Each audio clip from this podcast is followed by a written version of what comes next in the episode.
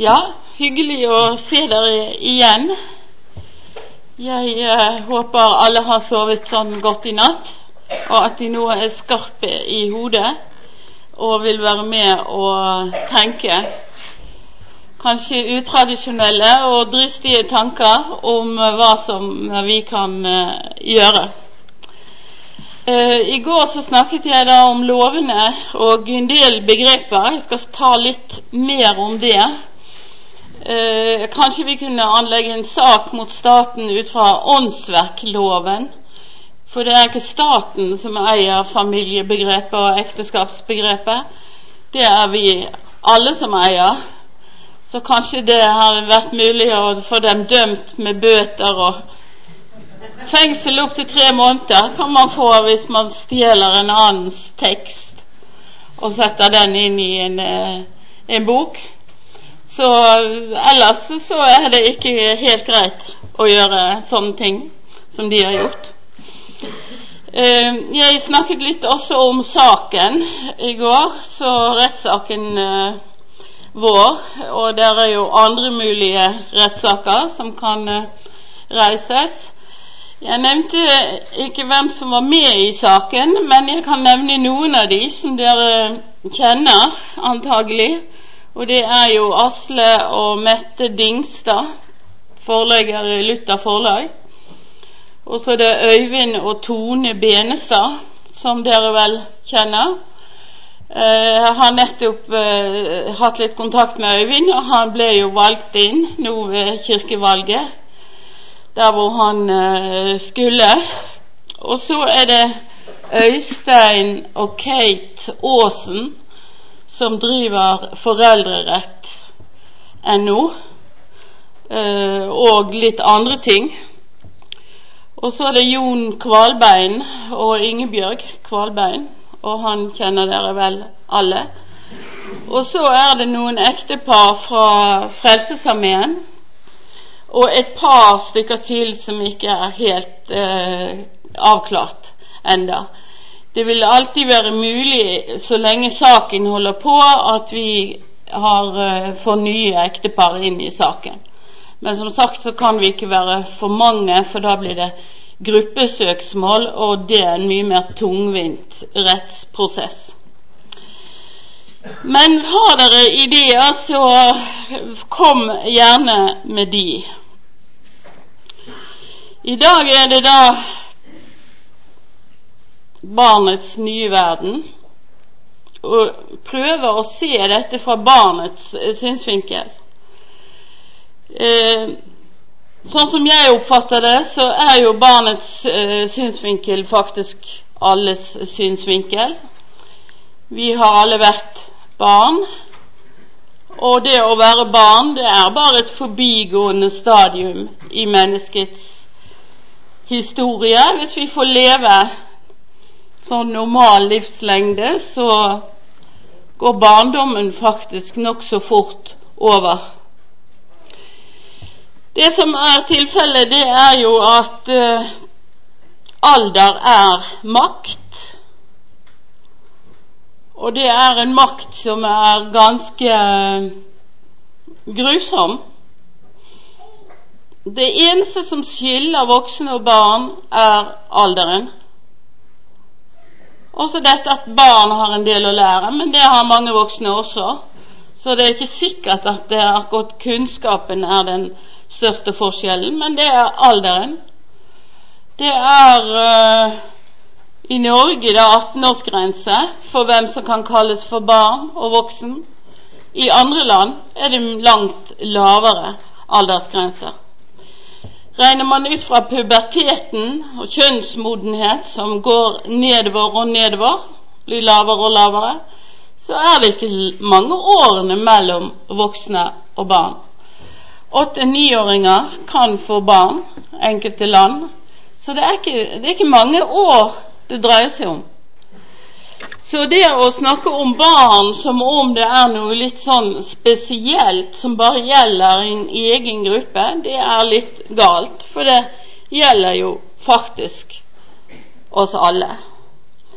Det som er tilfellet, er at vi når aldri igjen våre foreldre. så er våre foreldre 60 år når vi er født, så, ja, så har vi ikke så veldig mange sjanser. Er de 15, så har vi litt større sjanser til å nå dem igjen og utmanøvrere dem, hvis det er eh, det som er poenget. Vi er eh, Her i vår sivilisasjon så blir de fleste gamle, så mange er egentlig blitt jevnaldrende med sine foreldre når de er kommet et stykke frem i livet. Men uansett dette med alder og makten, så er voksne og barn likeverdige mennesker. De er likeverdige på alle mulige måter det går an å betrakte det på hvis vi ser det ut fra både en kristen tenkning, humanistisk tenkning og hvordan det nå er. Og Det betyr jo at det man fritt kan utsette barn for, det kan man også utsette voksne for. Altså den likeverdigheten kan være en mangel på likeverdighet som de deler. I samfunn der barn kan behandles veldig dårlig, der kan ofte også voksne behandles veldig dårlig. Så det som man fratar barnet Eh, sånn eh, fra staters eh, egen, egenmektighet eller forskjellige systemers beslutninger, det kan man også frata voksne. Hvis man fratar barnet far eller mor, som den norske stat nå har gjort ved barnelovens paragraf 2 og paragraf 4a, så må det være noe man også kan frata den voksne. Hva kan den voksne miste når barnet kan miste noe så sentralt som far og mor? Rett til familie, familiegjenforening, rett til forskjellige andre ting skal jeg komme tilbake til. Men når man har først tatt dette fra barnet, som om noen år er den voksne, så hva kan man da ikke ta fra de andre voksne, som man ikke har først tatt mor eller far fra? Hva kan man da ta fra dem? Dette at barn nå altså kan miste far eller mor, det er jo det samme som å si at dette er ikke viktig for barnet. Og da må man jo også stille spørsmål hva er da viktig for den voksne? Hva kan den voksne miste når barnet kan miste så mye som mor og far. Men det skal jeg komme tilbake til. Vi kan godt se på verden, og jeg har ofte sett på verden som en eneste stor voksen konspirasjon. At det er de voksne som ligger bak så mye av det som går galt. Og at barnets liv i mange lange århundrer og årtier har vært vanskelig. Jeg kjente en kvinne en, eh,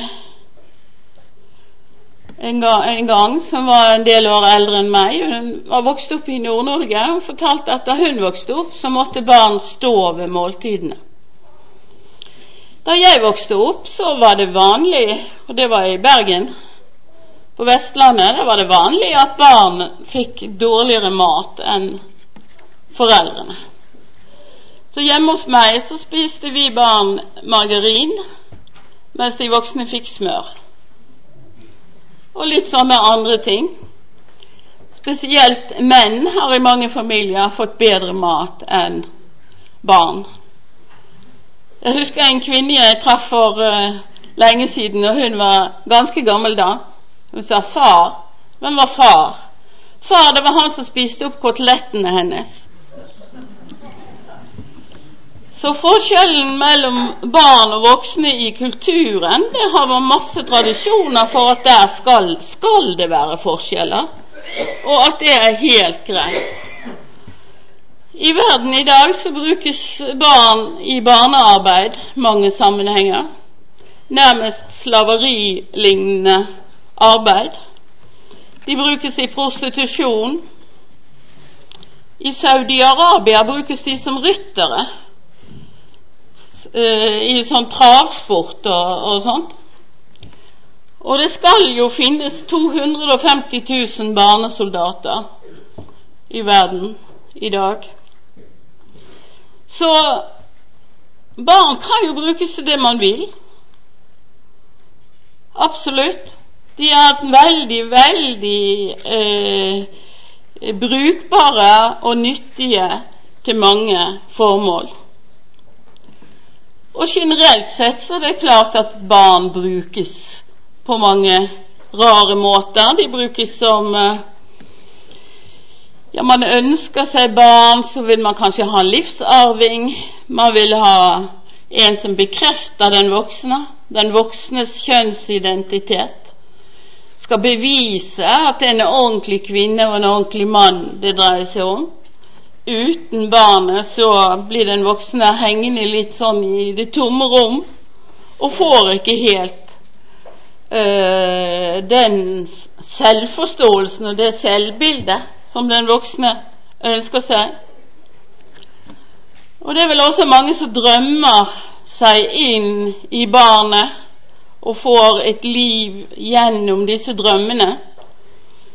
Disse barnerollene som er litt søte, og som i våre dager er blitt eh, spesielt søte, for nå er jo alle prinsesser. Prinsesseleken er blitt veldig populær prinser og prinsesser. Og så har vi Lykke Liten. Det var en veldig fin, fin melodi som sier veldig mye om den voksnes drømmer om barnet, og ikke så veldig mye om barnets drømmer. Det er de voksne som drømmer, og som plasserer barnet inn i spesielle tablåer og der inni der skal barnet leve. I den voksnes tankemessige bilder og fantasi. Og noen har jo barnet som den sexy.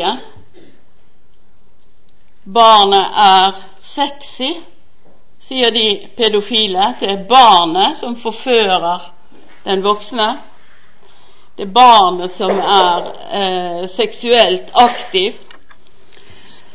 Det er ofte barnet som får skylden i veldig mange sammenhenger, og som de voksne uten videre sier skal tåle det som de utsetter barnet for. Barnet kan også bli syndebukken. Det er det barnet som det er noe problem med.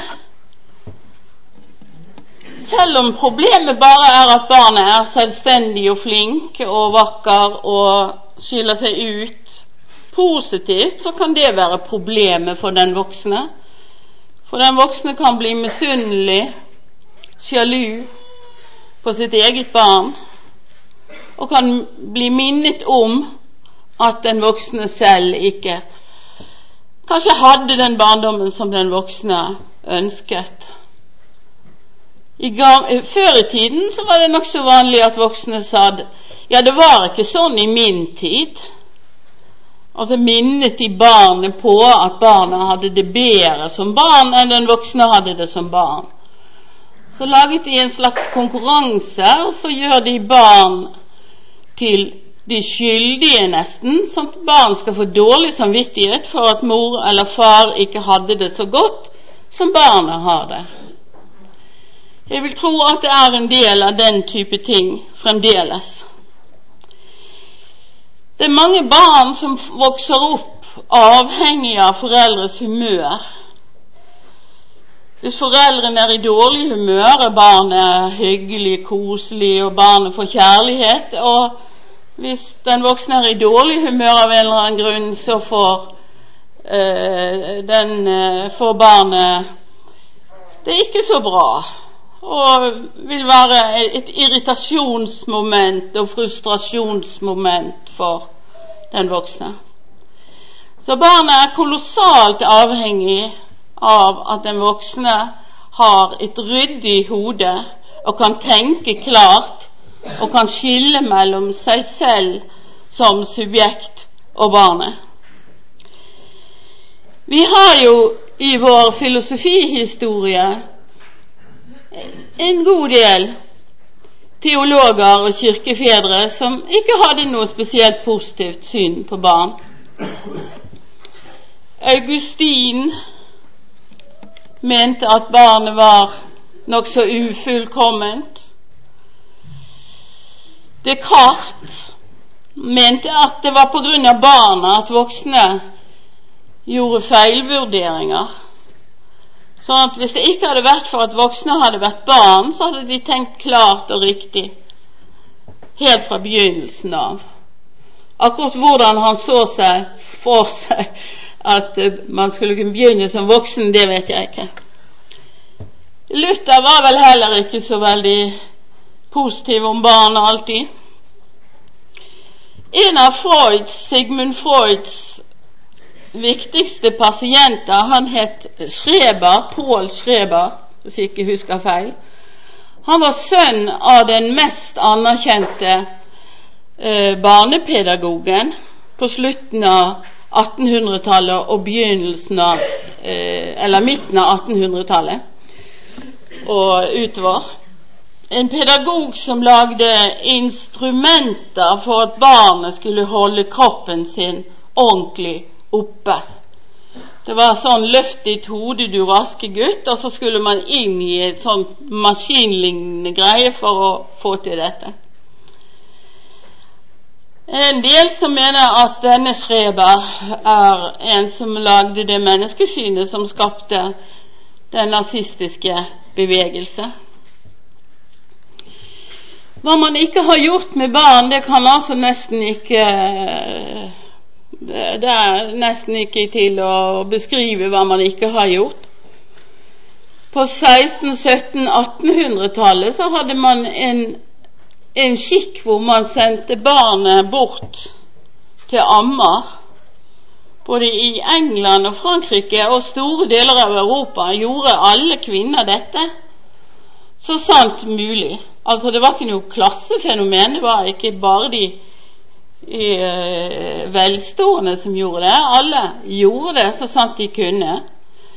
Uh, det var veldig vanlig at man uh, feiret barnedåp uten barnet til stede. For barnet det ble straks etter fødselen sendt av gårde, ofte langt av gårde. Det var mange dødsfall, og det var mange skader i forbindelse med denne praksisen med ammer. En fransk filosof som heter Elisabeth Badinter, hun har skrevet om denne epoken.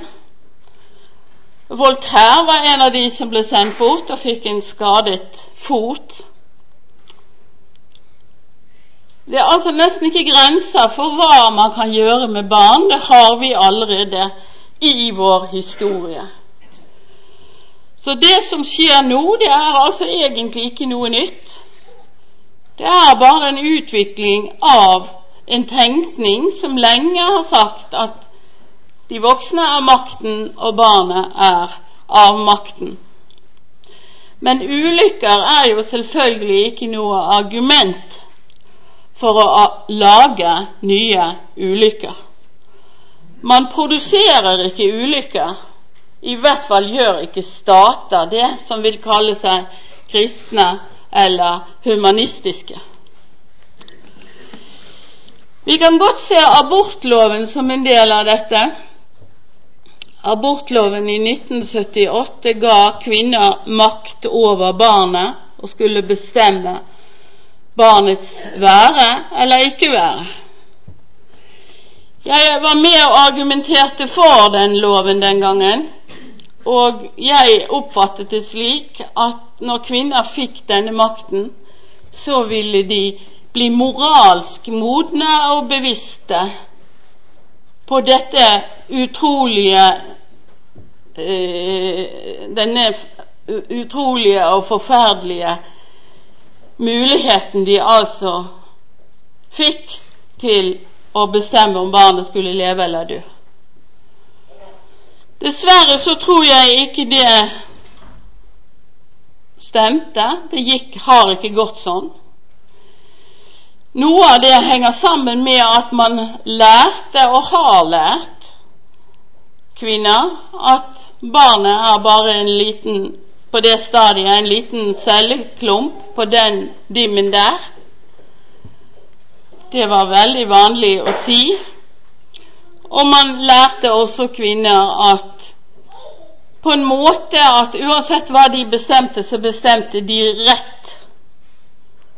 Det er det interessante. Det kommer fremdeles frem i debatten at kvinner vet, og kvinner bestemmer rett. Det som begynte å sjokkere meg etter hvert som utviklingen gikk, det var jo det at jeg hadde noen veldig flinke venninner som levde i gode ekteskap, var velstående, eh, levde i ekteskap som varte, og så tok de abort på tredje barnet.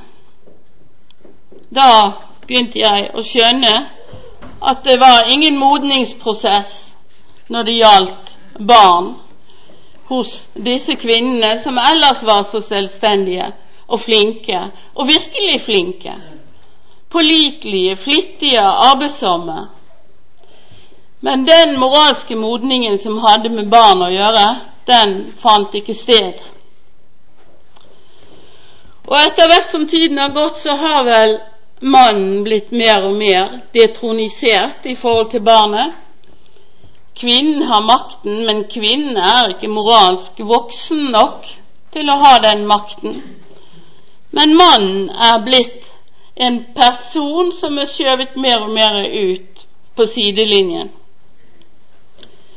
Det er akkurat som det går en særegen logikk fra 1978 til 2009 som sier at ja, kvinner har rett til å fjerne barn, og nå har de også rett til å tilføre barn. De kan fjerne barnet uten å ha eh, en samtale eller behøve å lytte på noen. Kanskje ikke engang barnets far eller noen andre. Og nå kan de nesten tilføre seg selv eller en annen kvinne et barn uten å måtte lytte til barnets far og den stemmen som kanskje man skulle tro at mannen og faren hadde. Jeg ser en veldig klar sammenheng i den utviklingen. Samtidig som samfunnet er blitt feminisert på veldig mange områder, hvor kvinnen er kommet frem enda mer som det gode mennesket, og mannen som det som ikke er så veldig bra. Jeg var jo med i kvinnebevegelsen i den tiden, da den startet, 1970. Og uh, de første årene var veldig bra år, syns jeg, for da skulle vi lære å erkjenne og kjenne og bli kjent med oss selv litt i samarbeid med andre kvinner. Så det var jo en filosofisk praksis jeg oppfattet at vi skulle holde på med. Så kom det noen veldig politiske grupper inn i kvinnebevegelsen, eller inn i nyfeministene. Det var AKP-ML, som var veldig flink til å bruke makt. Veldig. De brøt avtaler, og de gjorde akkurat det som passet dem. Og så kom også lesbisk bevegelse i 1975 med Gerd Brantenberg, som var skolert fra Danmark allerede. Og viste det seg, når jeg har tenkt litt over det senere Det var mange feminister som var lesbiske, av de ledende feministene på den tiden. De som var med og startet eh, feminismen i Norge, var aktive lesbiske fra USA og Nederland spesielt. Og det var jo en parole den gangen som man sa, og, men hvor alvorlig man tok det, det er kanskje ikke så var vel forskjellig fra enkelt, de enkelte. Men man sa at feminisme var teorien og lesbianisme var praksis. Så gikk du virkelig inn for å rydde opp i patriarkatet og motarbeide patriarkatet, så var det beviset på at du var en ordentlig eh, feministkjemper. Det var altså at du begynte å praktisere å leve lesbisk. Da var det ingen som sa at man skulle prøve å finne ut om man var lesbisk men man skulle bare gjøre det. Så enkelt ble det forstått av mange. Så jeg hadde en, noen uker Det var vel høsten 75 eller ja, noe sånt, rundt da, 76 kanskje, hvor en fem-seks av mine venninner plutselig begynte å leve lesbisk. Noen av dem gikk tilbake senere. Noen har fortsatt. Jeg har en svensk venninne, dvs. Si hadde, jeg er ikke sikker på om vi er venninner lenger. Hun var først gift i tolv år og hadde to gutter. Så ble hun veldig fanget opp av feminismen, og hun begynte å leve lesbisk. Og hun levde lesbisk i ti år. Og så begynte hun å studere filosofi, og så forelsket hun seg i veilederen sin. Og så var hun heterofil igjen og giftet seg med han, og de er fremdeles gift.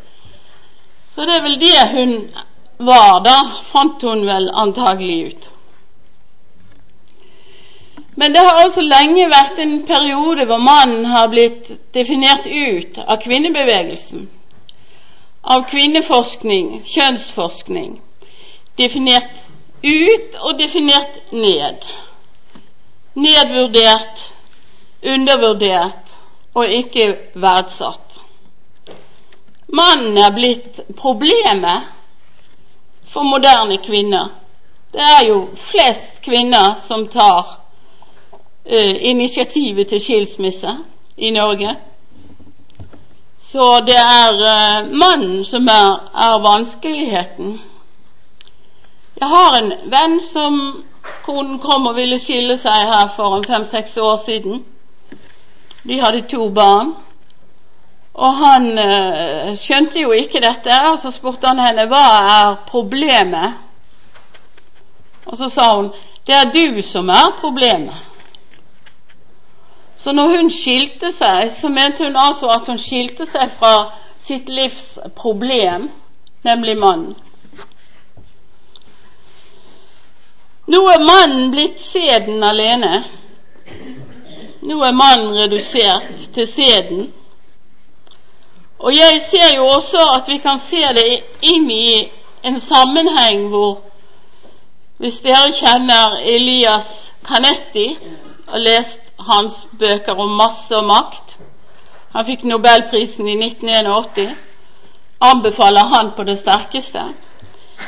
Han beskriver hvordan mannsgruppen og kvinnegruppen bekjemper hverandre som en del av denne evige maktkampen. Det beskrives også i de greske dramaer, hvor det veldig ofte dette det dreier seg om. Hvem eier barnet, og hvem er viktigst for barnet? Jeg tror altså at vi er inne til, tilbake i en primitiv maktkamp mellom kjønnene, som er eh, nesten blitt førkristent eller hedensk, at det er en, en, en, en uh, sånn primitivisering som skjer. Men det som er det spesielle, det er altså at staten går foran. Det har vel aldri hendt før i verdenshistorien at statene går foran når det gjelder å hjelpe kjønnene til å bekjempe hverandre. På mange måter er det selvfølgelig bra med litt kamp mellom kjønnene Danovan. Jeg har ikke noe imot det. Men staten skal jo ikke ta parti for det ene kjønn. Det har staten gjort nå med dette likekjønnete ekteskapet. I går snakket jeg mest om loven. La oss se litt på den institusjonen som barnet kommer inn i. De to forskjellige institusjonene som barnet nå kommer inn i. I det gamle ekteskapet så kommer barnet inn i en familie, en heterofil familie. En uh, sammenheng hvor det er en Kjønnene utfyller hverandre, kanskje bekjemper hverandre, men det er en dramatisk spenning mellom mann og kvinne. Det er en kamp mellom det feminine og det maskuline. Av og til på det indre plan, av og til på det ytre plan. Det, vi må alle ta et oppgjør med vår indre mann eller indre kvinne, selvfølgelig. Det, altså det, her skjer det på mange nivåer. Det er ganske komplekst. Men du ser i hvert fall en mann og en kvinne. Barnet ser en mann og en kvinne normalt i den eh, heterofile, det heterofile ekteskap i institusjon. Det vil også si at barnet ser en familie. For disse to de er i familie. Foreldrene har familier. Som også er en del av denne institusjonen i, i, uh, i muslimske land er det veldig tydelig at det egentlig er familier som gifter seg med hverandre. Det er altså at de enkelte, de som blir tvangsgiftet, uh, det er egentlig De blir tvangsgiftet, men familiene deres de gifter seg frivillig med hverandre. Det er et komplekst system med medgift og penger og overføringer og forbindelser og makt og det hele. Så familiene gifter seg inn i hverandre. Du får sviger eh, barn, svigerdatter, svigersønn, svoger, svigerinne. Du får hvis du er heldig, så får du en, en, fantastisk god svigerfamilie som du kan være en del av. Det er i hvert fall to familier som smelter sammen i det felles barnet. Det er ikke bare de to, mor og far. Det er familier som går opp i det felles barnet. Det er slekter som følger slekter, det er generasjoner som følger generasjoner. Det er hele slektstre. Man begynner med seg selv, og så kan man altså lage et fantastisk bilde hvis man får tak på alle informasjonene. Og det blir jo forresten nå i vår tid lettere og lettere, for det fins på Internett ganske mye av de folketellingene som har vært. Vi går altså inn i en tusenårig tradisjon som bygger på familien. Ekteskapet er familien, bygger på familien. Det er universelle, globale tankestrukturer som er felles. Og disse familiene de er styrt av incestregler. Riktignok litt forskjellig fra forskjellige samfunn og forskjellige tider, men incest er et vesentlig poeng. Så barna som kommer inn i disse familiene, vil gjenkjenne seg selv nokså fort. Vil se likheter, ansikter, kropper, bli kjent med talenter, egenskaper, sykdommer, hva det nå måtte være. Men barnet kommer inn i en kjent, personlig sammenheng. Det ligner begge foreldrene. Det vil det sikkert konstatere ganske tidlig.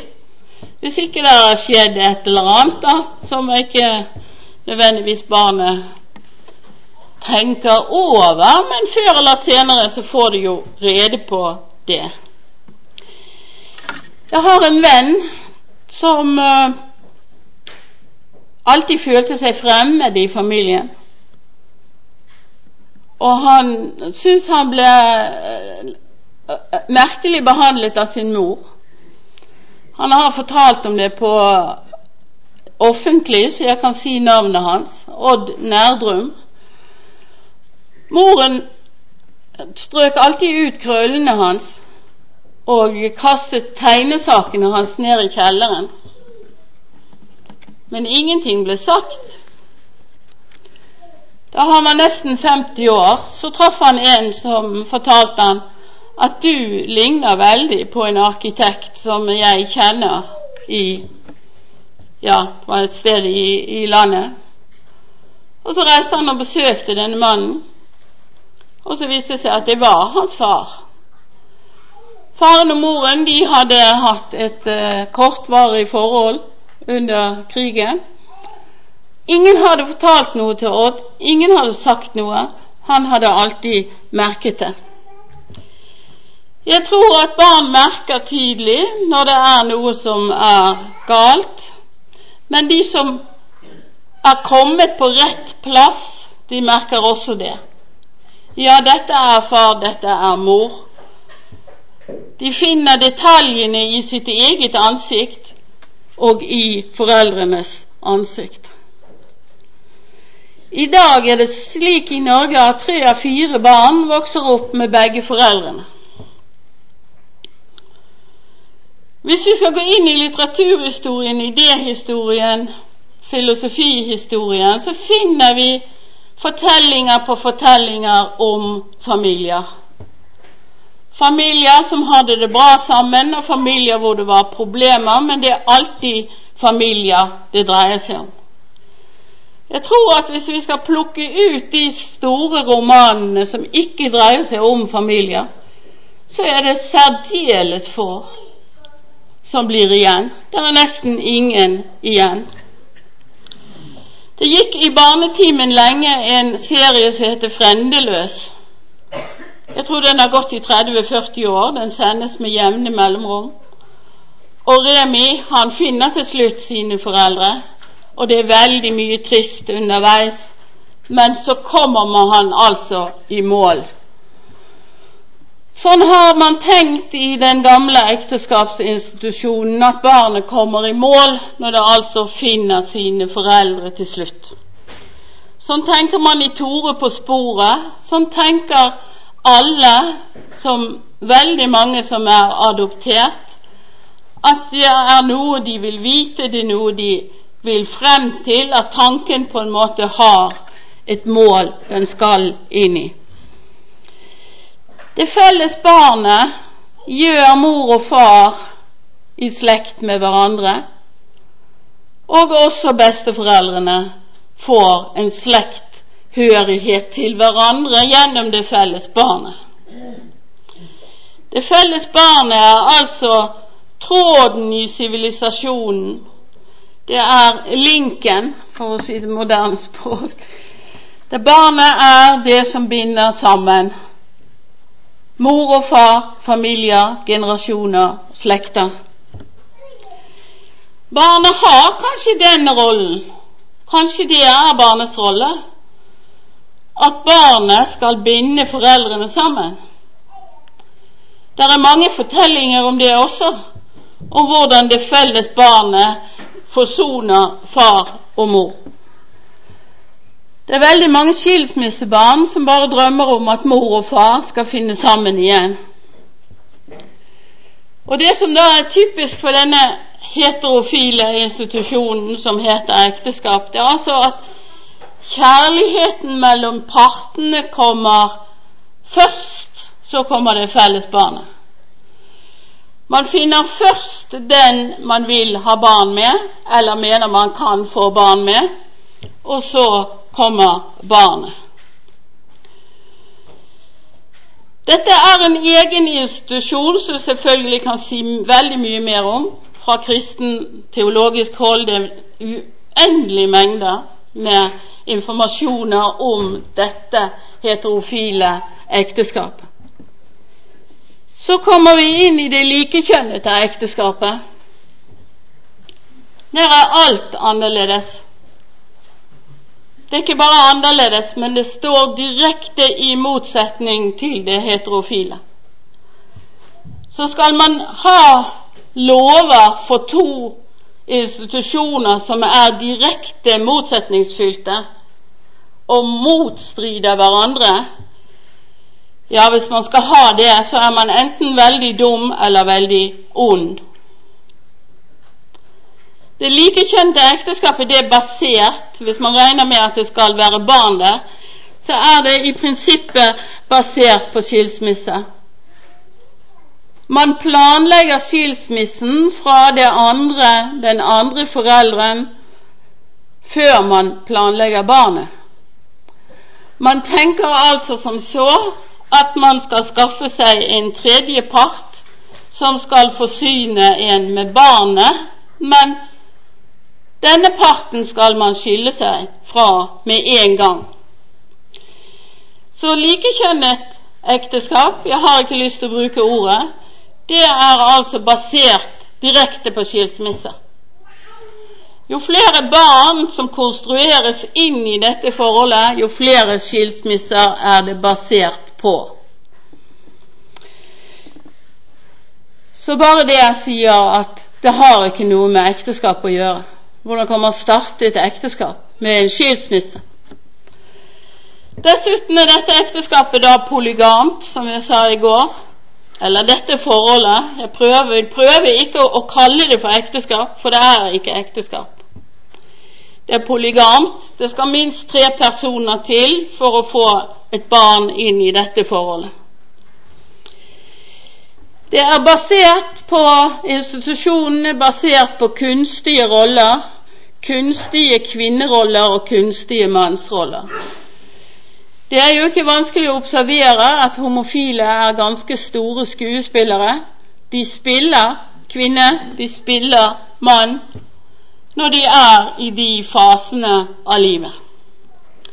De kan gå tilbake det er en som heter Bent Fredriksen, som har laget en liten bok om sitt liv, som er å få kjøpt i de fleste mediebokhandler, eh, tror jeg. Han levde som homofil til han var ca. 50 år, og han gjorde alt som ble forventet av homofile. Han eh, var veldig utagerende. Han brukte veldig mye rus. Han eh, hadde masse, masse forhold. Og han var veldig kvinnelig, og han la stemmen høyt opp i fistel. Og så forteller han i den boken at han møtte Jesus. Og han mener det helt bokstavelig. Han møtte Jesus, og alt endret seg og han kunne begynne å opptre som en normal mann. Hans atferd og hans stemmebruk og hans væremåte endret seg også. Så likekjønnet ekteskap det er basert på kunstige roller. Det er jo ikke vanskelig å se og observere. De fleste oppdager det ganske fort. Her er en mann homofile menn har enten kvinnerollen eller mannsrollen i forholdet. Og det er ikke så veldig vanskelig å se hvem som er hvem. I hvert fall synes jeg at jeg ser det ganske fort. Det samme gjelder kvinner. Det likekjønnete forholdet det er basert på en kultur som altså er på mange måter helt ny. Den er nok gammel i historien, men nå er den ny i sammenheng med det som heter ekteskap og barn. Hvis man vil se mer om den kulturen, så kan man lese f.eks. bøker av kjente homofile forfattere. Anne Holt, som har skrevet én roman som heter Mea culpa, hvor hun beskriver en meget mannhaftig lesbe som går aktivt inn for å forføre en gift kvinne. Eh, Anne Holt har jo mannsrollen i det forholdet hun er i nå også. Det ser man jo. Man kan også lese Gerd Brantenberg, som skrev en bok som heter 'Opp alle jordens homofile', hvor hun beskriver miljøet i uh, forbundet på 70-tallet, hvor det var veldig mye sjekking, sjekke hverandre og veldig mye rus. Og man kan lese den sexguide for homser som er gitt ut for et par år siden. Deler av den ligger på nettet, på Øyvind Benestad sin, uh, sitt nettsted. Det er en kultur som jeg ikke har noe annet ord for enn en primitiv ukultur som har særdeles lite med kjærlighet å gjøre. Og I denne sammenhengen så kan man jo også legge merke til at eh, vi har fått fredet et pissoar i Oslo, i Stensparken. Et pissoar som er fredet fordi der begynte homofile menn å oppsøke hverandre og ha sex. Dette er en primitiv kjønnsutagerende uh, uh, praksis Nei, jeg vil ikke bruke ordet kultur. Vet, Vi må finne noe annet. Det er altså noe som ikke er sammenlignbart overhodet med det som det heterofile ekteskapet står for. I dette forholdet skal altså barn inn. De skal inn i relasjoner hvor man dyrker sex, og hvor man gjør særdeles mye ut av det. Når barn kommer inn i et likekjønnet forhold, så kommer de ikke inn i en familierelasjon. De kommer inn i en vennskapsrelasjon. Kanskje er det kjærlighet der, kanskje ikke, men det er ikke base for en familie. Når to homofile slår seg sammen, så er det ikke to familier som føres sammen. Det er ikke slekter som vokser inn i hverandre. Incest er ikke noe problem. I det likekjønnede kan man ha sex med hvem som helst, fordi det blir jo faktisk ikke barn av det. Så alle incestregler kan man bare oppheve med det samme. Det er ikke nødvendig å tenke på. Barna i disse forholdene de er enten mine barn, eller så er de dine barn, eller så er de noen andres barn. De er aldri felles barn. Aldri noen gang. Så det dannes altså ikke familie. Det stiftes ikke familie. Barnet kommer inn i familiebrudd og familieopphør og hvis barnet skal finne sitt ansikt der, så finner det bare noe i den enes ansikt. Den andres ansikt er stort sett en fremmeds ansikt. Der er halve slektstre, og der er ikke generasjoner på generasjoner. Og de voksne har ikke et felles livsprosjekt gjennom barnet som de begge er i slekt med.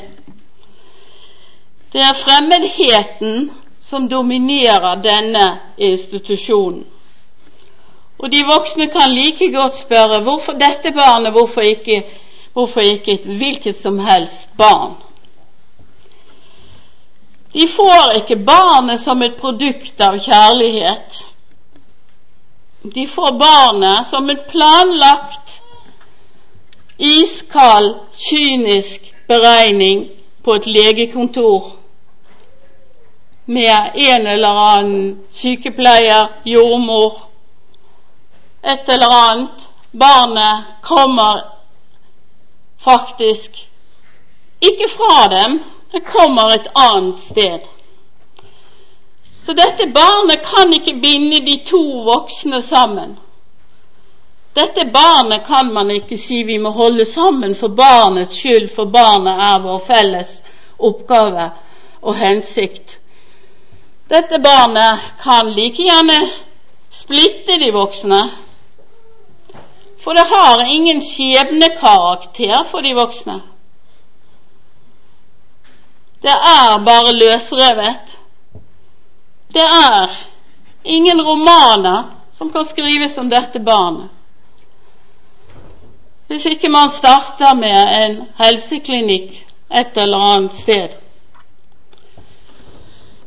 Så det er mange som tror at heterofile og homofile par kan forenes i én lov. Ja, de kan altså ikke det, for de er uforenlige. Det er bare det overfladiske likheten, at de bor i en leilighet, og de har biler, og de har hytte på fjellet, og de spiser mat hver dag, og sånne ting, som er likt med disse parene. De er grunnleggende ulike, og det homofile paret det bryter med alle prinsippene for ekteskapet. Det er brudd på språkbruken som nevnt. Og disse kan lykkes bare hvis vi lar dem få lov til å overta begrepene ekteskap og familie. De snakker om våre familier. De vil ikke være presise og snakke om at det er ikke familiebånd i disse familiene. De lar sosiologi og tilfeldige leger bestemme deres relasjoner til hverandre. Biologien skal opphøre, men det er vår biologi som skal opphøre. Så de går til angrep på den heterofile biologisynet, fordi de selv kan ikke få barn sammen. Så derfor må de angripe familiebegrepet og ekteskapsbegrepet.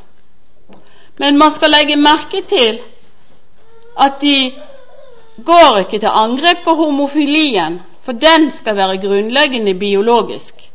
Den er ikke lenger sosiologisk. Den blir ikke lenger sett på som en konstruksjon. Det er heterofilien som blir oppfattet som konstruert.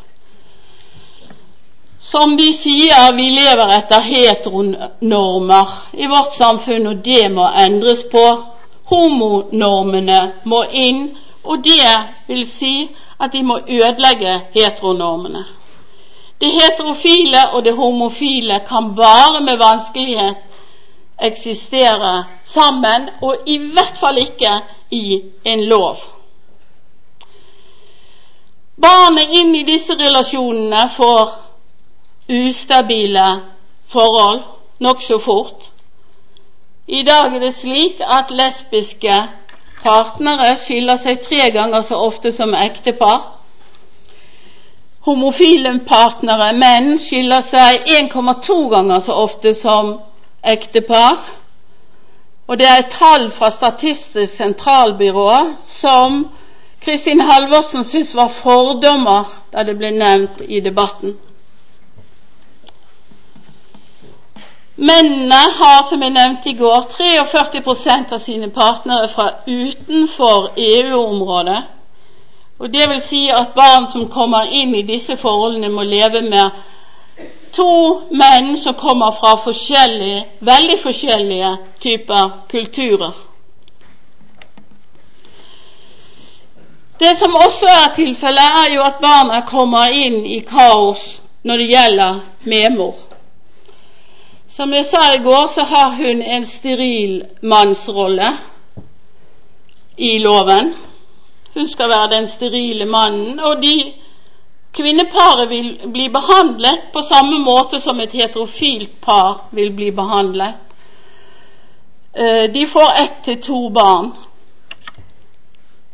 Men medmor, hun som altså skal være den sterile mannen, hun får ikke barn fra staten.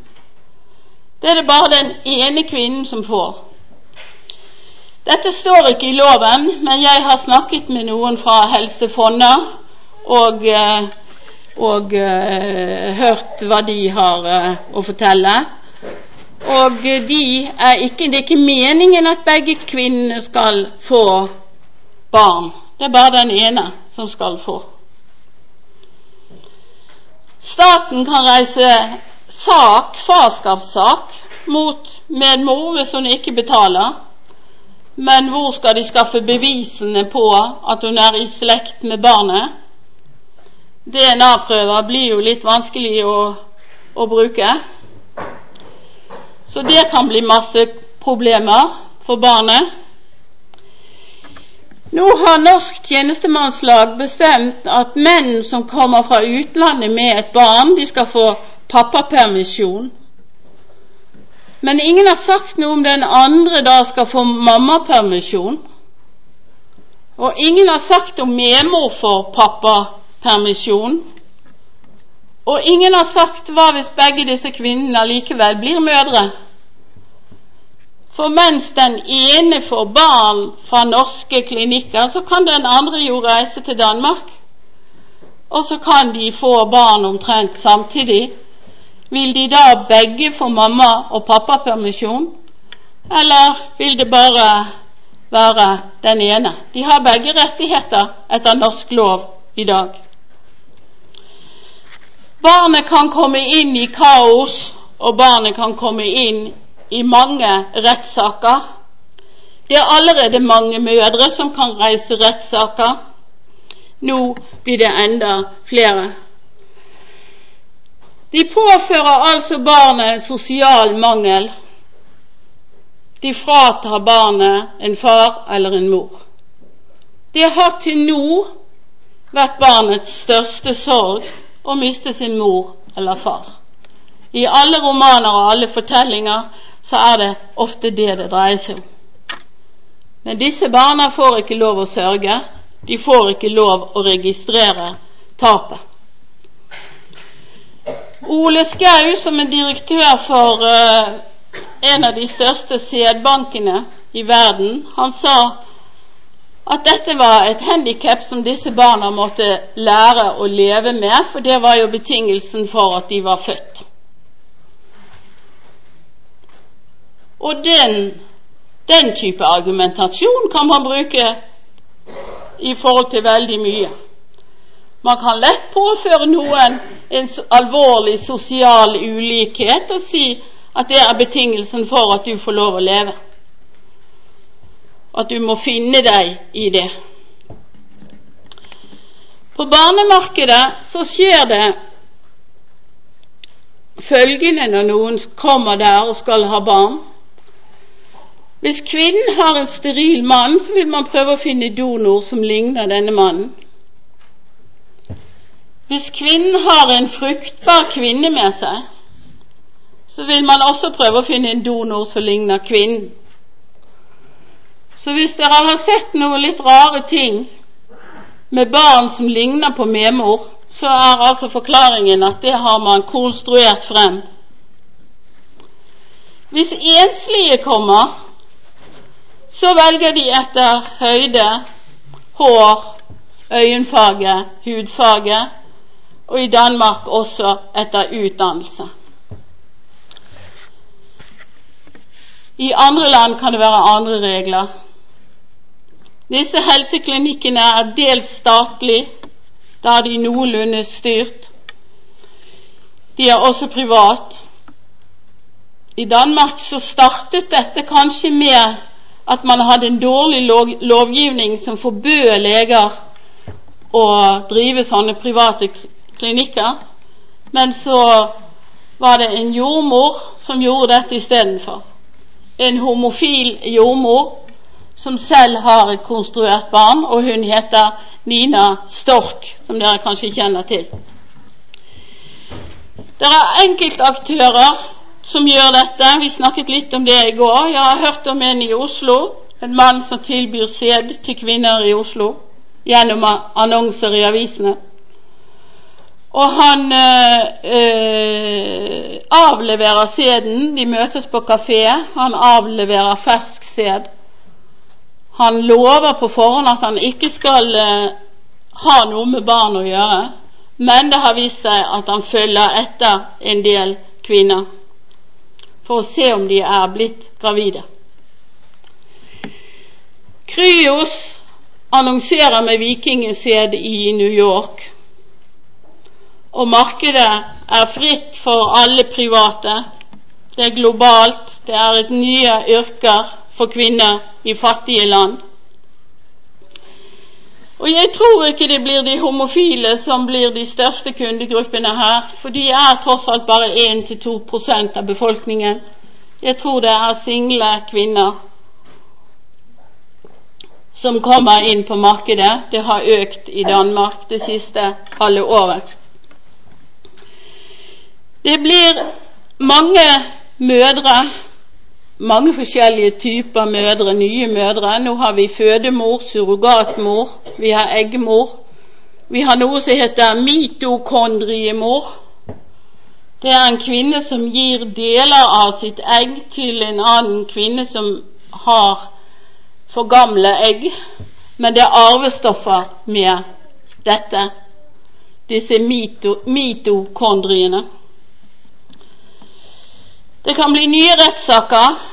Eggmor, to eggmødre, én fødemor, én adoptivmor, én fostermor kan slåss om samme barnet. Det er bare tre typer fedre foreløpig. Det er sædfar, det er eh, eh, adoptivfar og fosterfar, vanlig far men de finner sikkert på noe sånn at det blir flere fedre der òg. Bioteknologien er helt nøytral. Den er verdiløs. Når man sier at noe er nøytralt, så mener man jo vanligvis at da går man ikke inn i kampen og tar ikke standpunkt. Men man gjør sitt beste for å holde seg til venn med alle. Så det er vel det som er, eh, kommer til å skje. Det vi kan snakke mer om, det er da den nye barnekulturen som skal springe ut fra dette. Hva blir det? Hva slags kamp blir det disse barna skal føre? Det er en kvinne som heter Ingunn Bøen, som skrev et lite innlegg i Aftenposten om at hun hadde en sædklatt til far. Og hun ville bare fortelle lesber og eventyrlystne at når det ble snakk om far, så var det meget tungt å høre på. Det svir, skrev hun.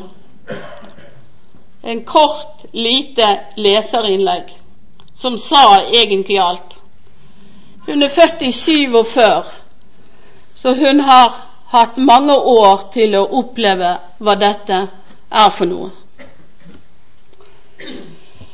Det kan bli nye markeder, det kan bli mye rart. Skal vi da ta et spørsmål, siste denne delen, til kaffepausen?